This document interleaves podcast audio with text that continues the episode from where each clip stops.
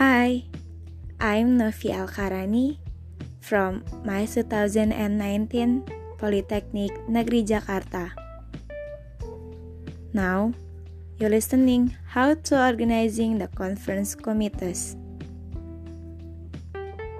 The success of an event can be seen from its organizing committees.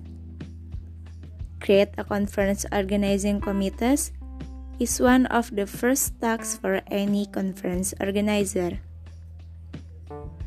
And to produce a successful your event, you must clearly define the rules and responsibilities of each conference committees. The first step create a planning committees a planning committee that will plan and determine the responsibilities and duties of the working committees. The planning committees also decide policies to be met about the conference. The second step create a working committees.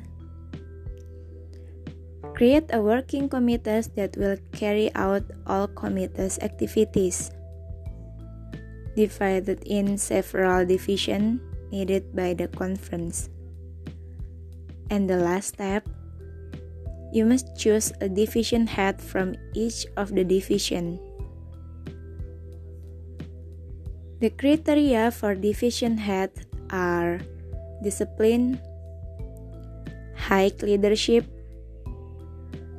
on time, and expert in the division that he holds.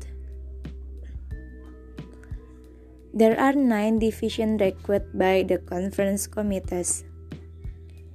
First program, local arrangement, conference arrangement, spouses or family program, gift or industry lesson, exhibit, finance, publicity, and publication.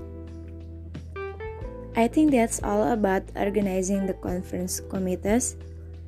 Thank you for your attention.